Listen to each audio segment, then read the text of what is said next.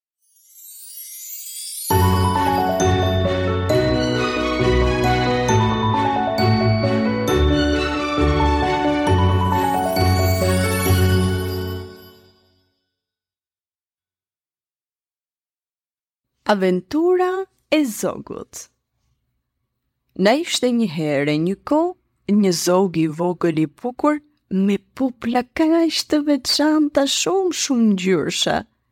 Zogu jetonte në një pallat të madh me një xhuxh. Të themi të drejtën xhuxhi e mbante zogun në kafaz dhe ishte jo fort i mirë me të. Por zogu e donte. Një mëngjes, xhuxhi nuk po dukej askund. Zogu u shqetësua.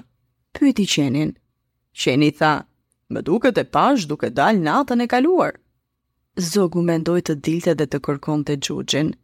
Zogu i vogël mblodhi të gjitha forcat dhe shtyu fort derën e kafazit. Më pas fluturoi dhe arriti në një pyll të madh. Atje, ai pa elefantin dhe e pyeti. Më falni, a, a e ke parë gjë xhuxhin? Elefanti ia ktheu. Mm, jo. Me sytë e tij të mprehtë, zogu pa xhuxhin të shtrirë në dëborë. Ai atje ishte pa ndjenja. Zogu pa dhe një pinguin të cilin i kërkoi që ta ndihmonte dhe të merrte Xhuxhin. Me lot në sy, Xhuxhi falënderoi Zogun. Zemra e tij tani kishte ndryshuar. Xhuxhi mendoi se duhet ta lëshonte Zogun nga kafazi, që ai të ishte i lirë dhe donte që të kujdesej me të me shumë dashuri. Por e dinte dhe mundte të rrezikonte që Zogu të ikte dhe të fluturonte dhe mos të vinte më tek ai. Çfarë të bënte? A duhet ta lëshonte tani me nderin që Zogu i bëri apo ta mbante sërish në kafaz sepse i duhej? Por vendosi që ta lëshonte dhe i la Zogut mundësi që të zgjidhte ai vetë. Por Zogu, pavarësisht kësaj, nuk donte të ikte. Ai i tha që mund të bënte xhiro, mund dhe të bënte shëtitje të ndryshme, por do të vinte sërish aty, në mbrëmje që të bisedonin bashkë, të hanin diçka dhe pse jo, t'i sillte Xhuxhit të vogël disa manafera që ai i ka shumë qejf. E kështu, edhe jetoi në liri, por gjithashtu edhe në miqësi. Bretkosa Princ Në kohët e lashta, nëse doje një dëshirë, realizohej gjithmonë. Aty jetonte një mbret, vajzat e të cilit ishin të bukure të gjitha, por vajza më e re ishte aq e bukur sa vetë dielli. Të gjithë ishin të mahnitur sa herë që shkëlqente fytyra e saj. Pranë kalasë së mbretit shtrihej një pyll i madh, i errët dhe nën një pemë të vjetër në pyll ishte një pus. Kur dita ishte shumë e ngrohtë, vajza e mbretit dilte në pyll, ulej pranë një burimi të ftohtë kur ishte në qetësi. Ajo merrte një top të artë dhe hidhte, dhe kjo lojë ishte gjë e saj më e preferuar. Një herë ndodhi që topi i artë i princeshës nuk ra në dorën e vogël që mbante vajza, por shkoi në tokë përtej dhe u rrotullua drejt e në ujë. Vajza e mbretit e ndoqi atë me sytë e saj, por ajo u zhduk te pusi i thellë aq i thellë sa nuk mundte të shihej fundi. Ajo filloi të qajë dhe qau me zë të lartë dhe nuk mundte të qetësohej. Ndërsa po qante, dikush i tha: Çfarë të shqetëson bijë e mbretit?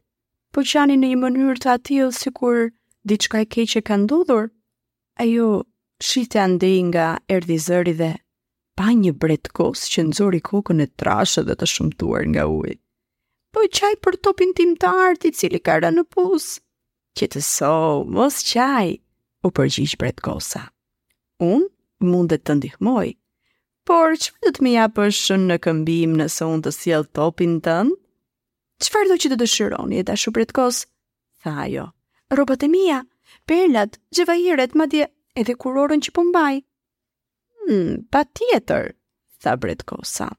Unë ju premtoj që mund ta marr, por ndërkohë, princesha po mendonte, si mund të flasë një bretkosë, e gjithë kjo duket pa kuptim, Ai jeton në ujë me bretkosat e tjera dhe nuk mund të jetë shok me një qenie njerëzore.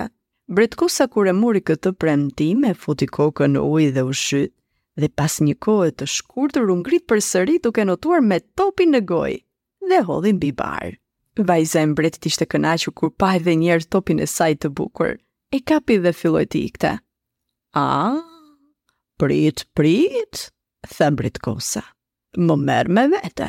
Unë nuk mund të vrapoj siç mundesh ti.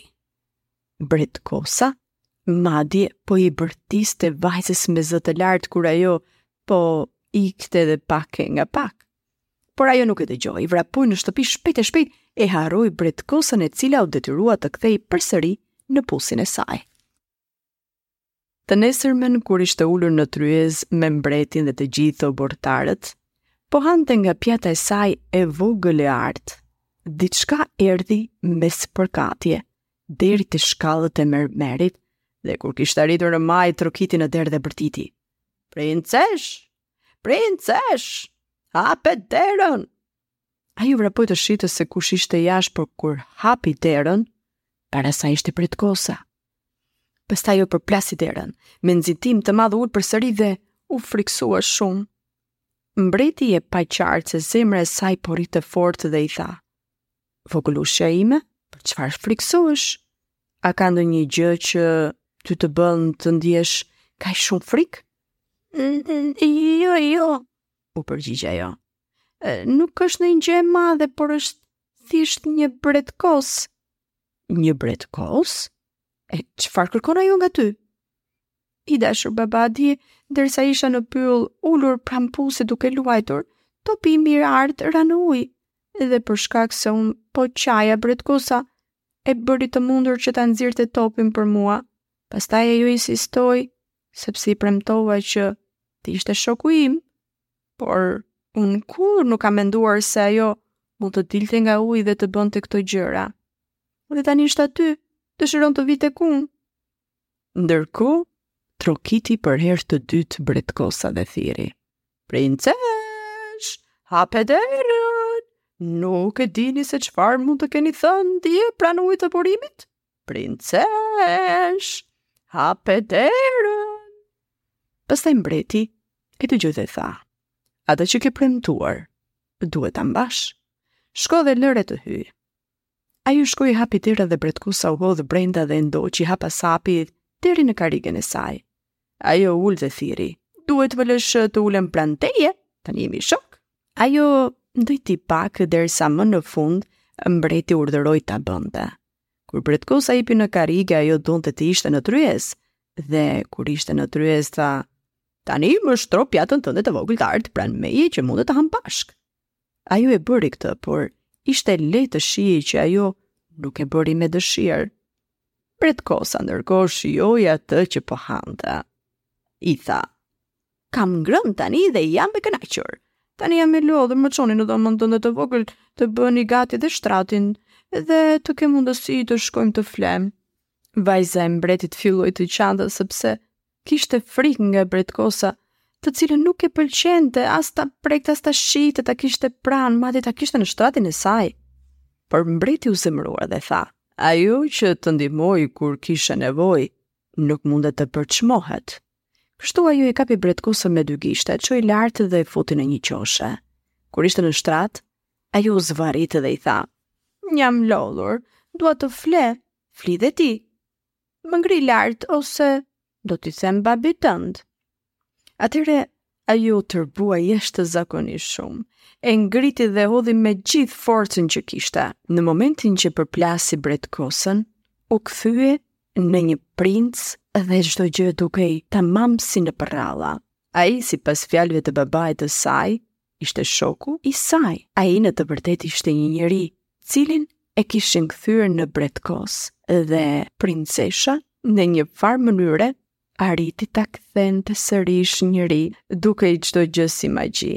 Një magji e cila e shpëtoi princin e ri. Vajza i kërkoi falje për atë veprim.